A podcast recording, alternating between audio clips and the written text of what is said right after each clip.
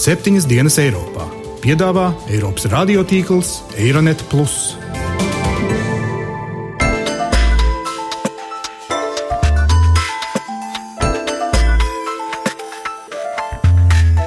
Šonadēļ septiņas dienas Eiropā dzirdēsim.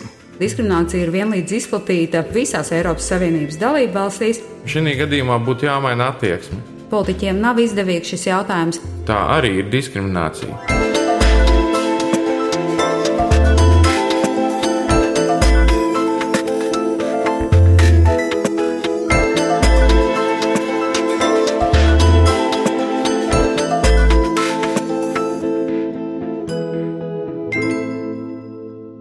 Labdien, godājamie klausītāji! Latvijas radio studijā Kārlis Streips sveicināti jaunākajā septiņas dienas Eiropā, raidījums, kurā izzinām, kā Eiropas un pasaules notikumi ietekmē mūs tepat Latvijā.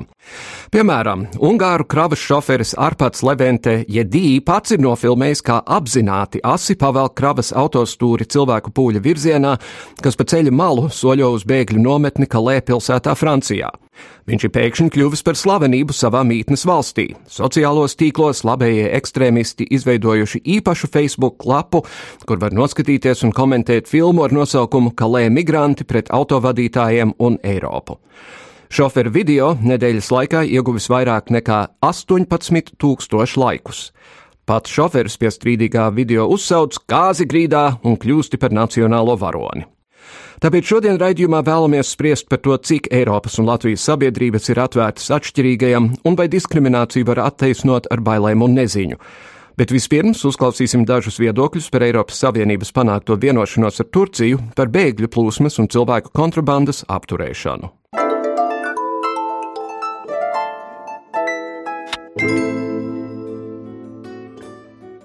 Eiropas līderi ar grūtībām cenšas mazināt to, kas ir nodēvēts par lielāko bēgļu krīzi kopš otrā pasaules kara, un no pirmā acu uzmetiena Turcija daudz iegūs no Briselē panāktās vienošanās. Eiropas Savienība un Turcija samita gaitā vienojušās atvērt jaunu nodaļu iestigušajās Turcijas sarunās par pievienošanos blokam apmaiņā pret Turcijas sadarbību nelegālo migrantu plūsmas mazināšanas labā. Stāsta Turcijas premjeras Ahmeds Davutoglu.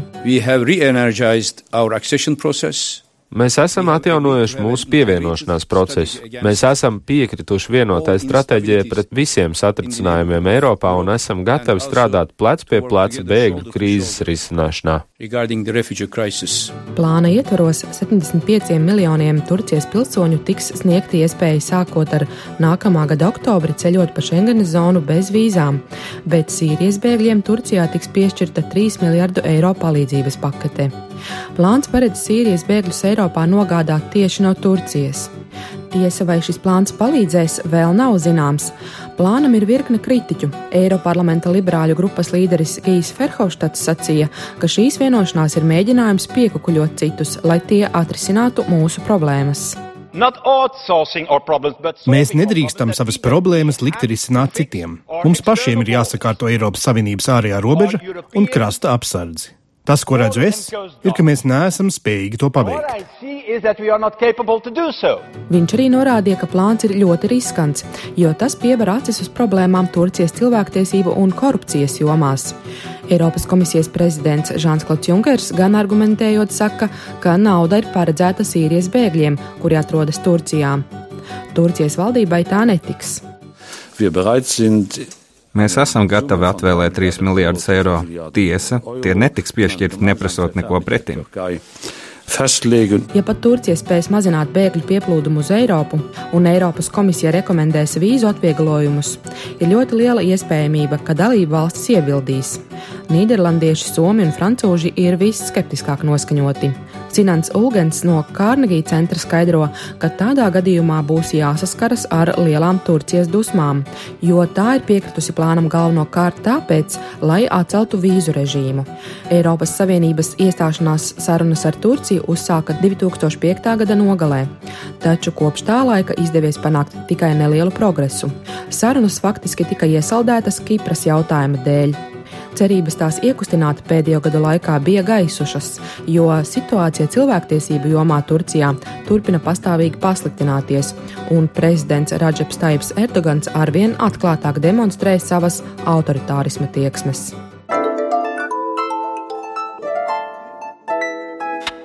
Pat ja Latvijas Republikas satversmes 91. pantā skaidri, melns uz balta rakstīts, ka visi cilvēki Latvijā ir vienlīdzīgi likuma un tiesas priekšā, un cilvēka tiesības tiek īstenotas bez jebkādas diskriminācijas, Daudz mūsu līdzcilvēku diendienā sastopas ar savu tiesību ierobežošanu un ar diskrimināciju dēļ savas ticības, tautības, ādas krāsas, seksuālās orientācijas, vecuma, dzimuma vai invaliditātes.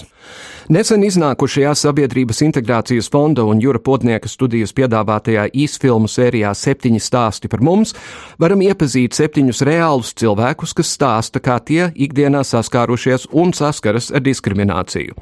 Filmas aicina iedziļināties un mēģināt izprast, ar empātiju iekāpt otra kurpēs un censties izspēlēt situācijas, kādās atrodas citi no viņu viedokļa. Kā stāsta viena no filmu varonēm Evita Goša, mēs katru dienu nodzīvojam, kā zināmā mērā otrā šķiras cilvēki tieši tā iemesla dēļ, ka mēs nevaram baudīt tās pašas tiesības, kādas ir citiem cilvēkiem. Vairāk par mūsu attieksmi pret atšķirīgo manas kolēģis Gitas Siliņas sižetā. thank you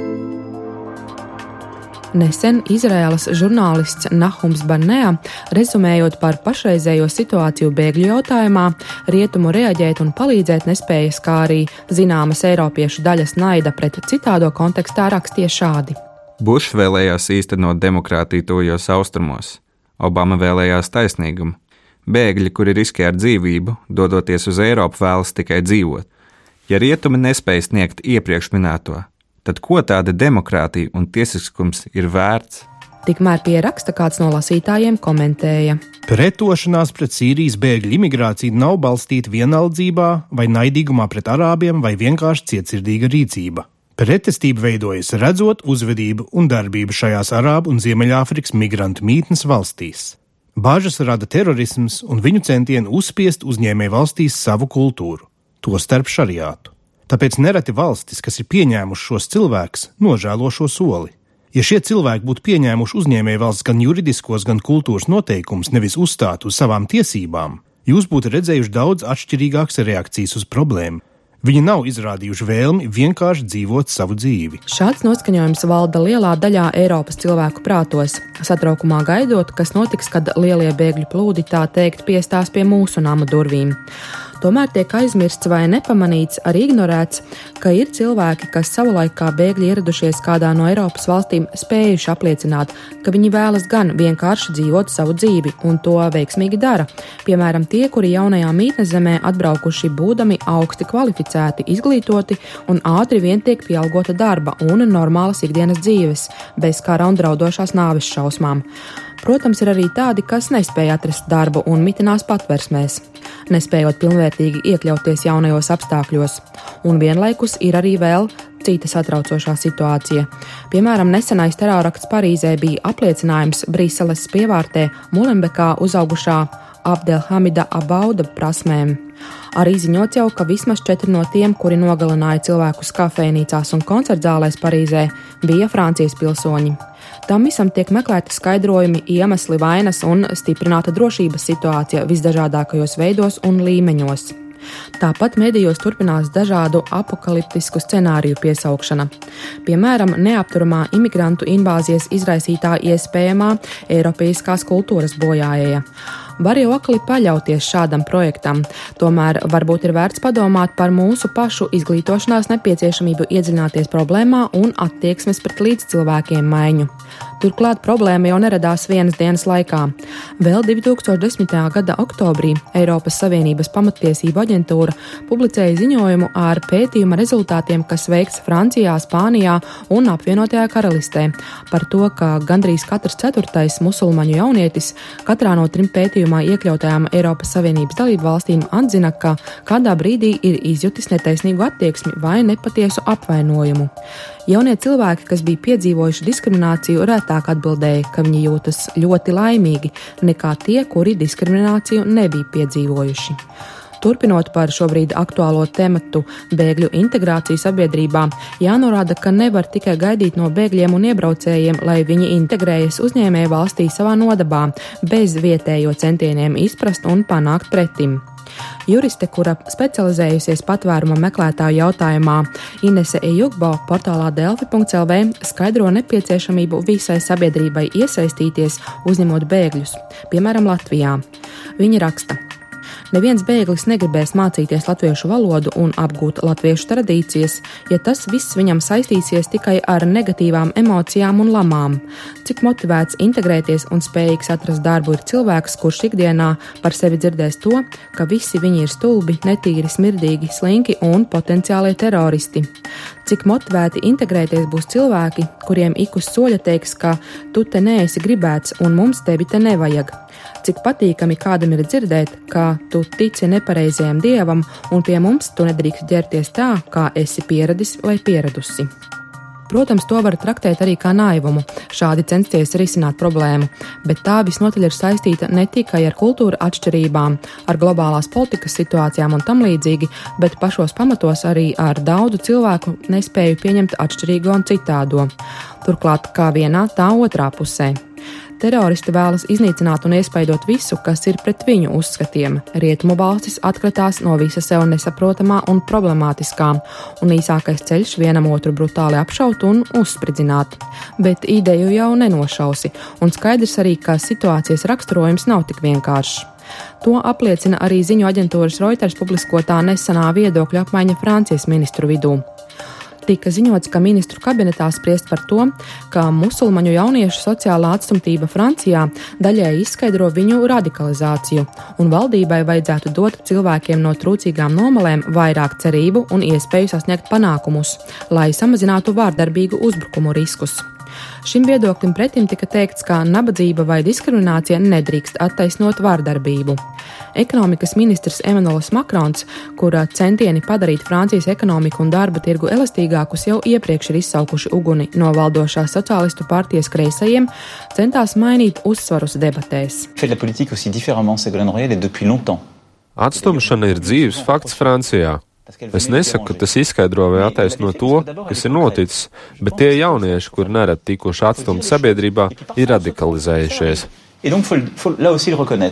Savukārt enerģētikas un vides ministre Segolēna Rojāla stingri iebilda pret jebkādiem komentāriem, kas parādījās, lai šķietami attaisnotu slepkavas.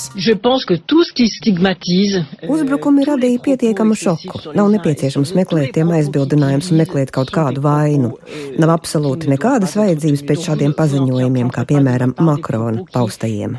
Il a partiellement repris Makrons, atsaucoties uz oktobrī publiskotā Institūta Montaigne pētījuma datiem, sacīja, ka Francijas republikas integrācijas sistēma ir izgāzusies, ja cilvēkiem ar musulmaņu vārdu, pretendējot uz kādu amatu darba tirgū, bija četras reizes mazāka iespēja tikt uz darba interviju.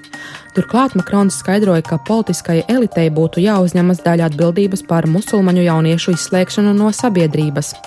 Mums ir jānodrošina vieta ikvienam, kas arī ir brālība, viņš teica, atsaucoties uz Francijas republikas moto Brīvība, vienlīdzība, brālība. Turpina Makrons. Nav nepieciešama sevis šaustīšana, bet gan atbildība ir vajadzīga. Katra politiskā līdera uzdevums ir izprast un izskaidrot, lai pārliecinātos, ka tas nenotiek atkal. Lai saprastu, nav jāmeklē attaisnojums vai pamatojums. Protams, problēma nav tikai kādas valsts cilvēku spējā vai nespējā pilnvērtīgi integrēt bēgļus, sociālajā atstumtībā, nabadzībā, centienos izbēgt no realitātes, meklējot glābiņu, piemēram, reliģijā. Lielo darbu dara Daesh, kas mums pat labāk vēl neizprotams, tomēr zināms, ka ir daudz paveicis, lai savu ideoloģiju izplatītu Eiropas musulmaņu vidū. Milzu nozīme ir arī Sauda Arābijai un tās ietekmes stiprināšanai musulmaņu pasaulē un vēl daudziem citiem faktoriem. Tikmēr Eiropieši panikā un bailēs aizmirst, ka ne jau visi musulmaņi radikalizējas un kļūst par teroristiem, kā nereti tiek pausts gan parastu Eiropiešu virtuves sarunās, gan politiķu runās publiskajā telpā. Vēl vairāk, paniskā reakcija un naids rada apstākļus, kas neizslēdz iespēju radikalizēties pat labam mērenajiem musulmaņiem. Tā samilzusī problēma savā nodabā iet pārpli, ik pa laikam liekot pasaulē sastingt šausmās.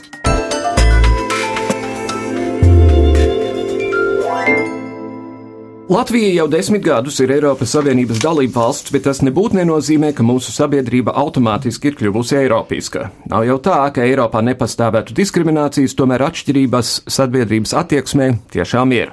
Lai noskaidrotu, cik atvērti dažādībai īsti esam un vai sabiedrības attieksme pret diskrimināciju ir gadu gaitā mainījusies, studijā esam aicinājuši Latvijas cilvēktiesību centra pētnieci Sigitu Zankovski Odiņu. Labdien! Labdien! Un Latvijas muguras smadzeņu bojājuma biedrības pārstāvi Mārtiņu. Mārtiņu Kārnīti. Labdien! Labdien!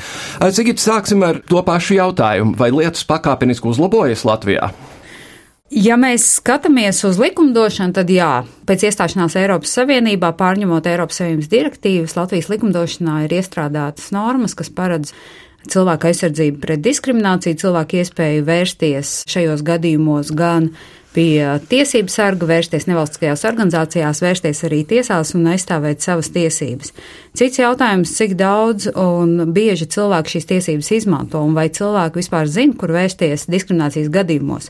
Jaunākais Eirobarometra pētījums, kas publicēts šī gada oktobrī, un tika veikts visās Eiropas Savienības dalību valstīs, tā skaitā Latvijā, liecina par to, ka 57% Latvijas iedzīvotāji diemžēl nezina, kur viņiem vērsties gadījumos un kādas ir viņu tiesības gadījumos, kad viņi ir saskārušies ar diskrimināciju. Lai arī šis rādītājs ir nedaudz samazinājies, salīdzinot ar iepriekšējo pētījumu, manuprāt, 57%. Tas ir ļoti, ļoti liels skaits cilvēku, kas nezina, kādas ir viņu tiesības. Tas nozīmē, ka arī bieži vien cilvēki neapzinās, vispār, ka viņi ir saskārušies ar diskrimināciju. Un arī no mūsu pieredzes cilvēki, kas apzinās šos te gadījumus, diemžēl visbiežāk viņi izvēlās neko tālāk nedarīt. Viņi sazvana centru, viņi atnāk parunā ar mums, bet, diemžēl, viņi nolēma tālāk par savām tiesībām necīnīties. Vai arī pārcelties uz ārzemēm, kur tā nav problēma. Vai arī pārcelties uz ārzemēm, es neteikšu, ka tā nav problēma.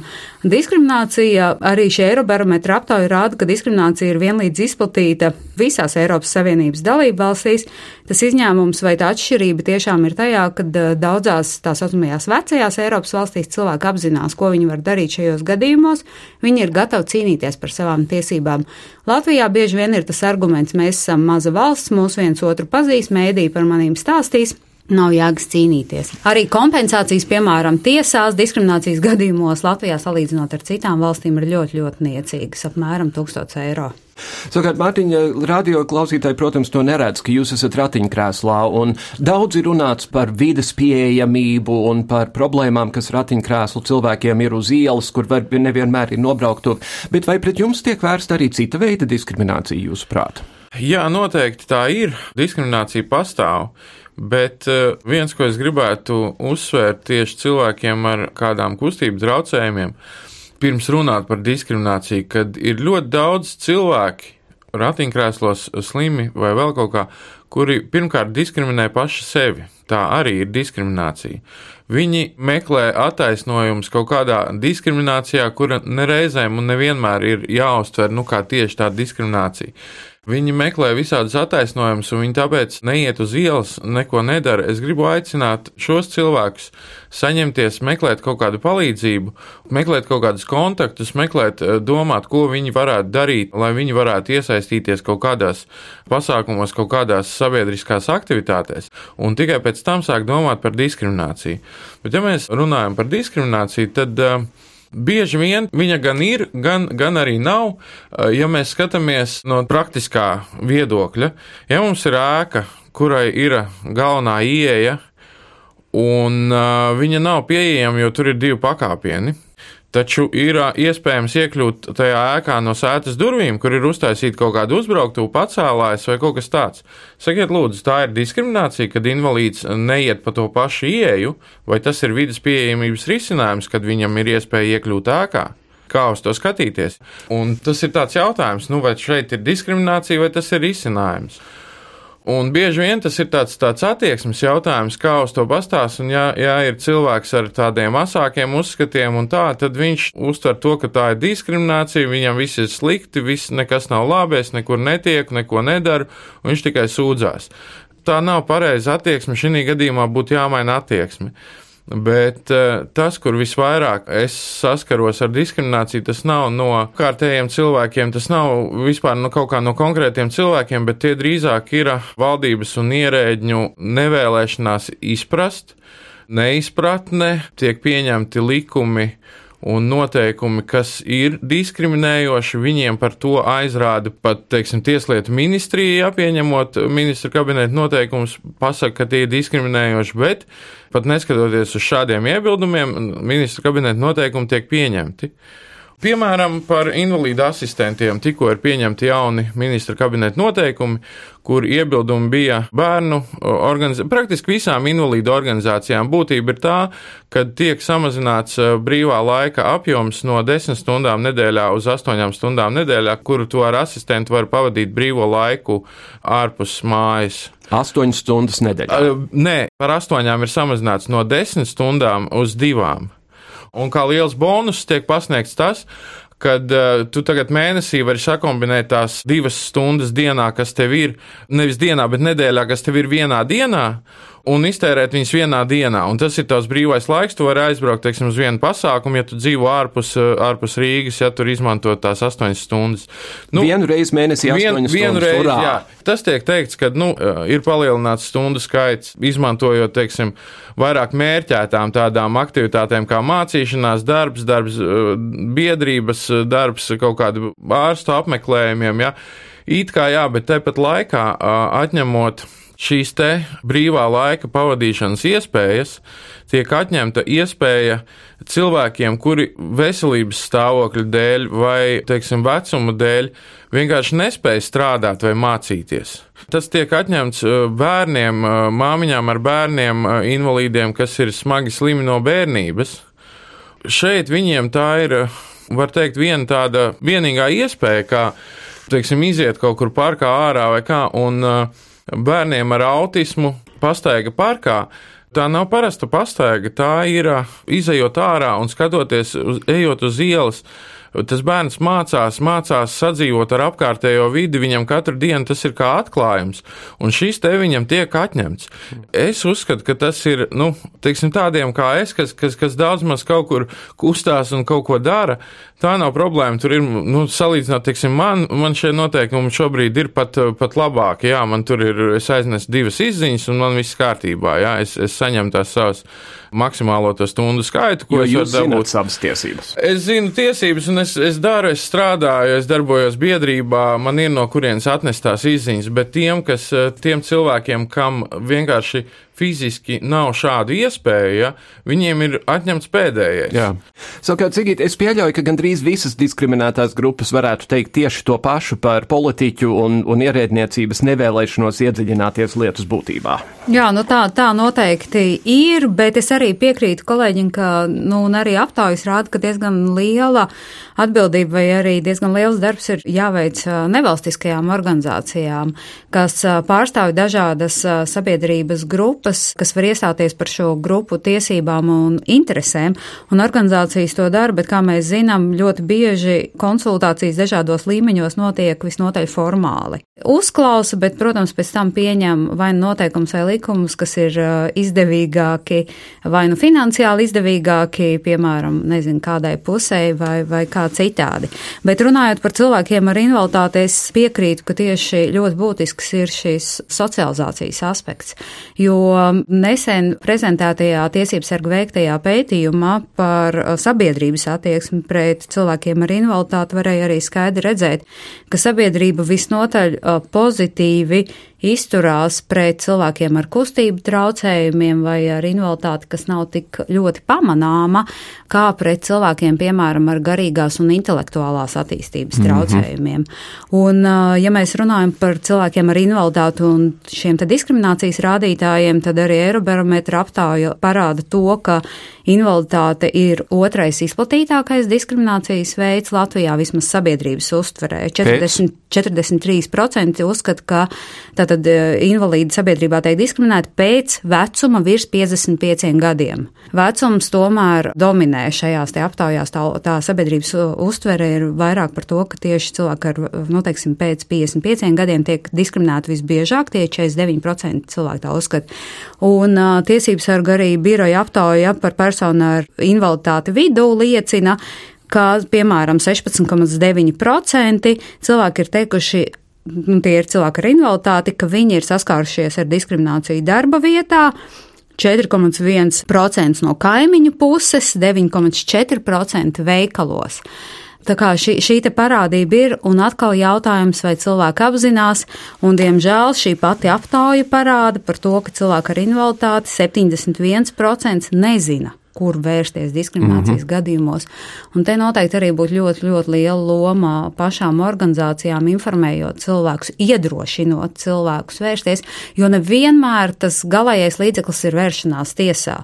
Ir iespējams lietas panākt un mainīt sarunu rezultātā, ja, vai, vai kādā citā veidā. Un, un cilvēki baidās no tiesām, un tas ir saprotams, bet, bet noteikti, ja mēs runājam par darba attiecībām, tad šos jautājumus var arī risināt, runājot ar darba devējiem parādot labās prakses piemērus uh, par cilvēku nodarbinātību ar invaliditāti, piemēram, uh, Rīmī piemērs, kuros veikali, kuros strādā cilvēki ar invaliditāti, manuprāt, ir ļoti, ļoti labs piemērs, ko, ko vajadzētu arī rādīt uh, citiem darba mm -hmm. devējiem, iedrošinot. Un, ja, ja jau esam pieminējuši Rīmī, tad varam arī pieminēt Banku Citadeli, kur sponsorē tā dēvēto Tu esi tu vari programmu, kas palīdz vākt naudu cilvēkiem ar citādām vajadzībām, lai viņi var piedalīties sportā. Tā skaitā, piemēram, viņi var braukt braukt uz Olimpiskajām spēlēm un pārbraukt mājās ar lērumu medaļām. Jā, tā ir. Banka Citadele pagājušajā gadā arī mūsu biedrības pasākumu sponsorēja. Palīdzēja izveidot, mēs veidojām sporta spēles ratiņniekiem, kas ir tieši pielāgots ratiņniekiem, jau vairākus gadus tas ir Baltijā lielākais ratiņnieku kopā sanākšanas pasākums, kur, kur bija 80 cilvēkiem ratiņkrēslos kopā TRVT. Runājot par darba devējiem, Banka Citadele ir, ir viena no arī darba vietām, kur strādā cilvēki ar invaliditāti, un zinu, ka tur nav nekāda problēma. Es pats esmu strādājis Tieto Latviju. Tur ir ļoti laba attieksme pret cilvēkiem ar invaliditāti, un, un pret maniem tur bija ļoti laba attieksme. Tā kā tie darba devēji, kas ir saprotoši un um, kas ne tikai nediskriminē, bet nāk pretī un ņem cilvēkus darba, cilvēks ar invaliditāti darbā. Viņi ir, viņi pastāv, un atkal gribētu iedrošināt tos cilvēkus ar invaliditāti, kad ejiet, meklējiet, ja jūs aizsūtījāt vienu CV un jums neatbildēja vai, vai atbildēja paldies, bet nē, atkal tas nenozīmē kaut kādu diskrimināciju uzreiz. Tas nozīmē, ka uh, meklējiet tālāk. Jo arī, arī veseliem cilvēkiem tieši tā, tieši tā, arī, arī veseli cilvēki neatrod uzreiz darbu un neatrod uzreiz sev vēlamo darbu. Viņi meklē un, un, un viņi meklē ilgi. Un tad, tad atrod, tā tas dzīvē vienkārši ir. Tā kā nu, ir, ir jādara, un tad, tad viss sanāks. Tā kā ir, ir labie piemēri. Un darba devējiem ir tiesības izvēlēties, vai viņš grib pielāgot to darba vietu, vai viņš negrib. Ja viņam nav iespējas pielāgot šo darba vietu, nu, būs katru dienu, teiksim, tas cilvēks tur jānēsā vai kā. Pašam tam cilvēkam arī var nebūt patīkami. Nu, tad šeit ir vairāk jautājums par to, ka vajadzētu būt valsts pretim nākšanai vairāk darba devējiem ar lielāku atbalstu, ja viņi ņem cilvēks ar invaliditāti darbā, tad būtu arī savādāk šī situācija. Ja? Mm -hmm. Jo atkal es saku, tā nevienmēr tā ir diskriminācija, vien, citreiz tie ir vienkārši apstākļi. Tādi, ka, nu kā, nu mēs tev labprāt ņemtu, mums tas ir vajadzīgs kā speciālists, bet katru dienu tev nest uz ceturto stāvu augšā lejā un pa dienu tu vēl sagribēsi iet pusdienās, jā. Mm -hmm nu, nav, nav reāli. Tiešām nav reāli. Sigit, jūs minējāt to, ka Eiropas eh, noteikumi ir ieviesti runājot konkrēti par gejiem. Ir darba likums, kurš tika grozīts tikai tāpēc, ka Eiropas Savienība pateica, ka citādāk būs sankcijas. Ārpus tā, kas vēl ir no Eiropas ienācis eh, konkrēti šajā ziņā?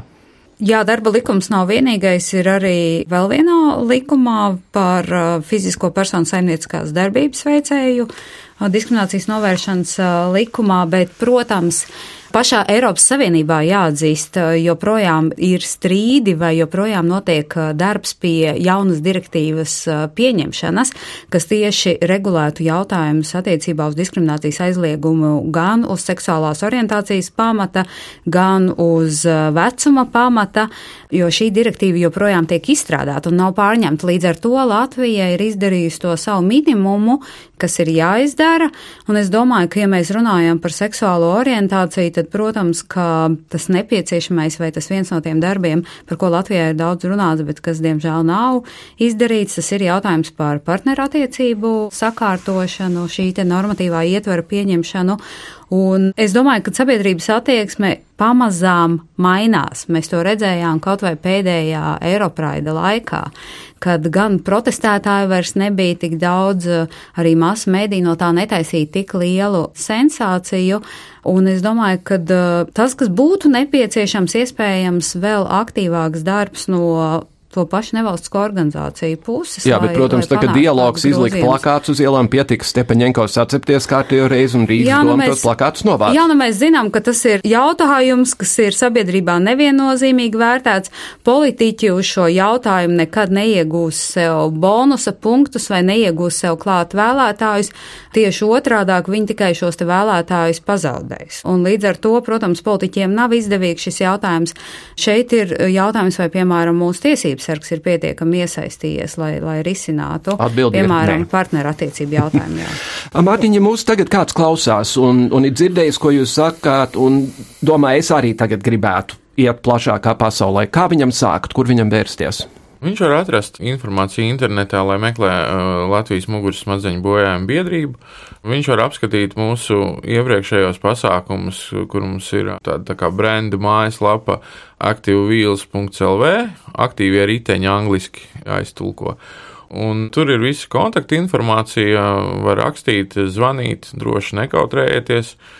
Nu, un tad mēģināsim risināsim tās problēmas, kas ir. Dosim arī padomus ar kaut kādām citām lietām. Varbūt var kaut ko izstāstīt, es nezinu, par vietām, kur ko labāk izdarīt, kādus likumus, varbūt izprast pareizāk, kādi eksistē pabalsti un, un kāda varbūt palīdzība, varbūt noorganizējama. Jo bieži vien cilvēki tiešām nezina, un, un līdz ar to viņu dzīves kvalitāte līdz ar to ir zemāka. Un galvenais ir pārvarēt sevi jā, un savas bailes. Jā. jā.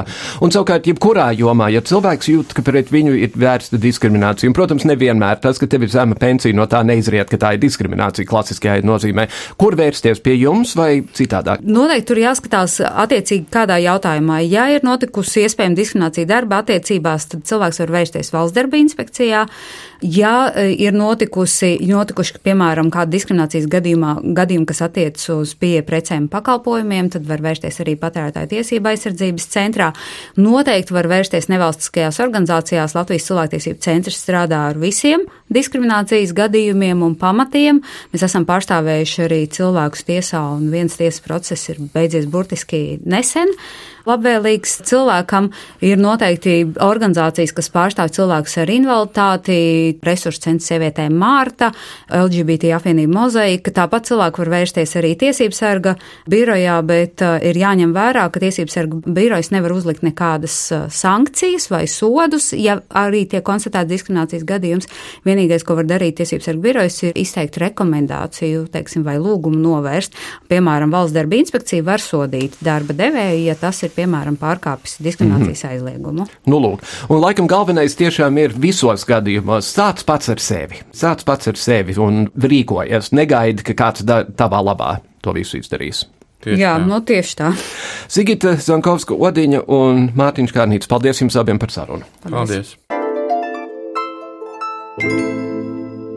Amerikāņu rakstnieks Džeks Londons, kas paspēja dzīves laikā strādāt arī kā kurjeris, strādnieks, zelta meklētājs un jūrnieks, kādā savā romānā reiz rakstīja: Veselo saprātu saglabājam pateicoties mūsu spējai aizmirst.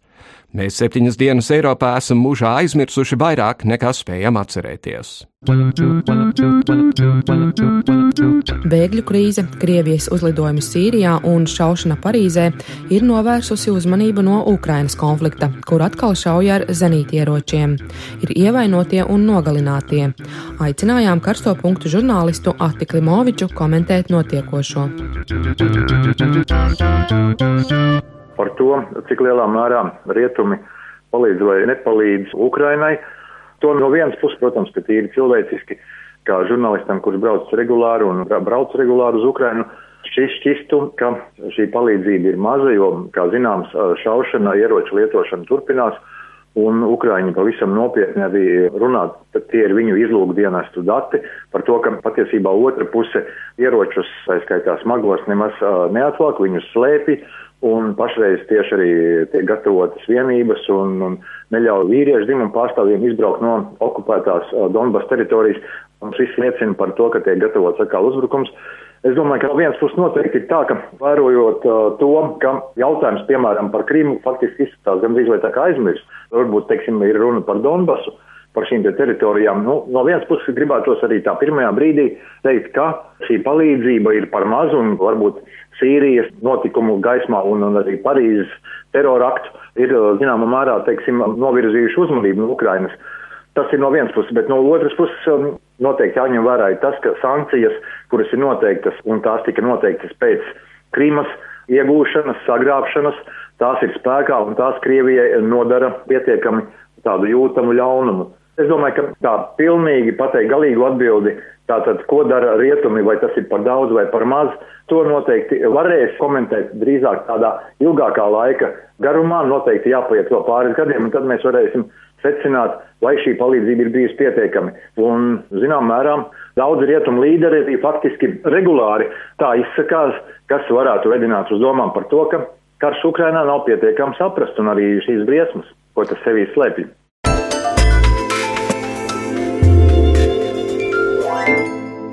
Ar to arī izskan šīs nedēļas septiņas dienas Eiropā. Nu, diendāmas un kungi, cilvēktiesības ir universālas, neskatoties uz to, kas cilvēks ir ādas krāsā, dzimuma, seksuālajā orientācijā, visās pārējās lietās. Romas pāvests nesen teica, tolerance kā vārds man nepatīk. Vienīgais, kas ir nepieciešams, ir atcerēties, ko teica Jēzus - mīliet viens otru. Līdz nākamajai nedēļai! Visu labu!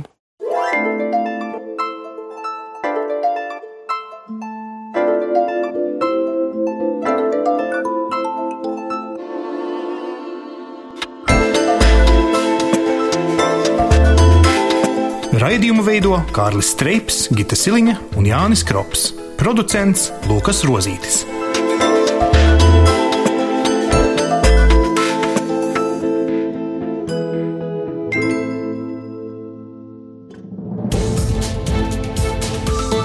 Visus Eironet plus sižetus un raidījumus meklējiet Latvijas radio mājaslapā.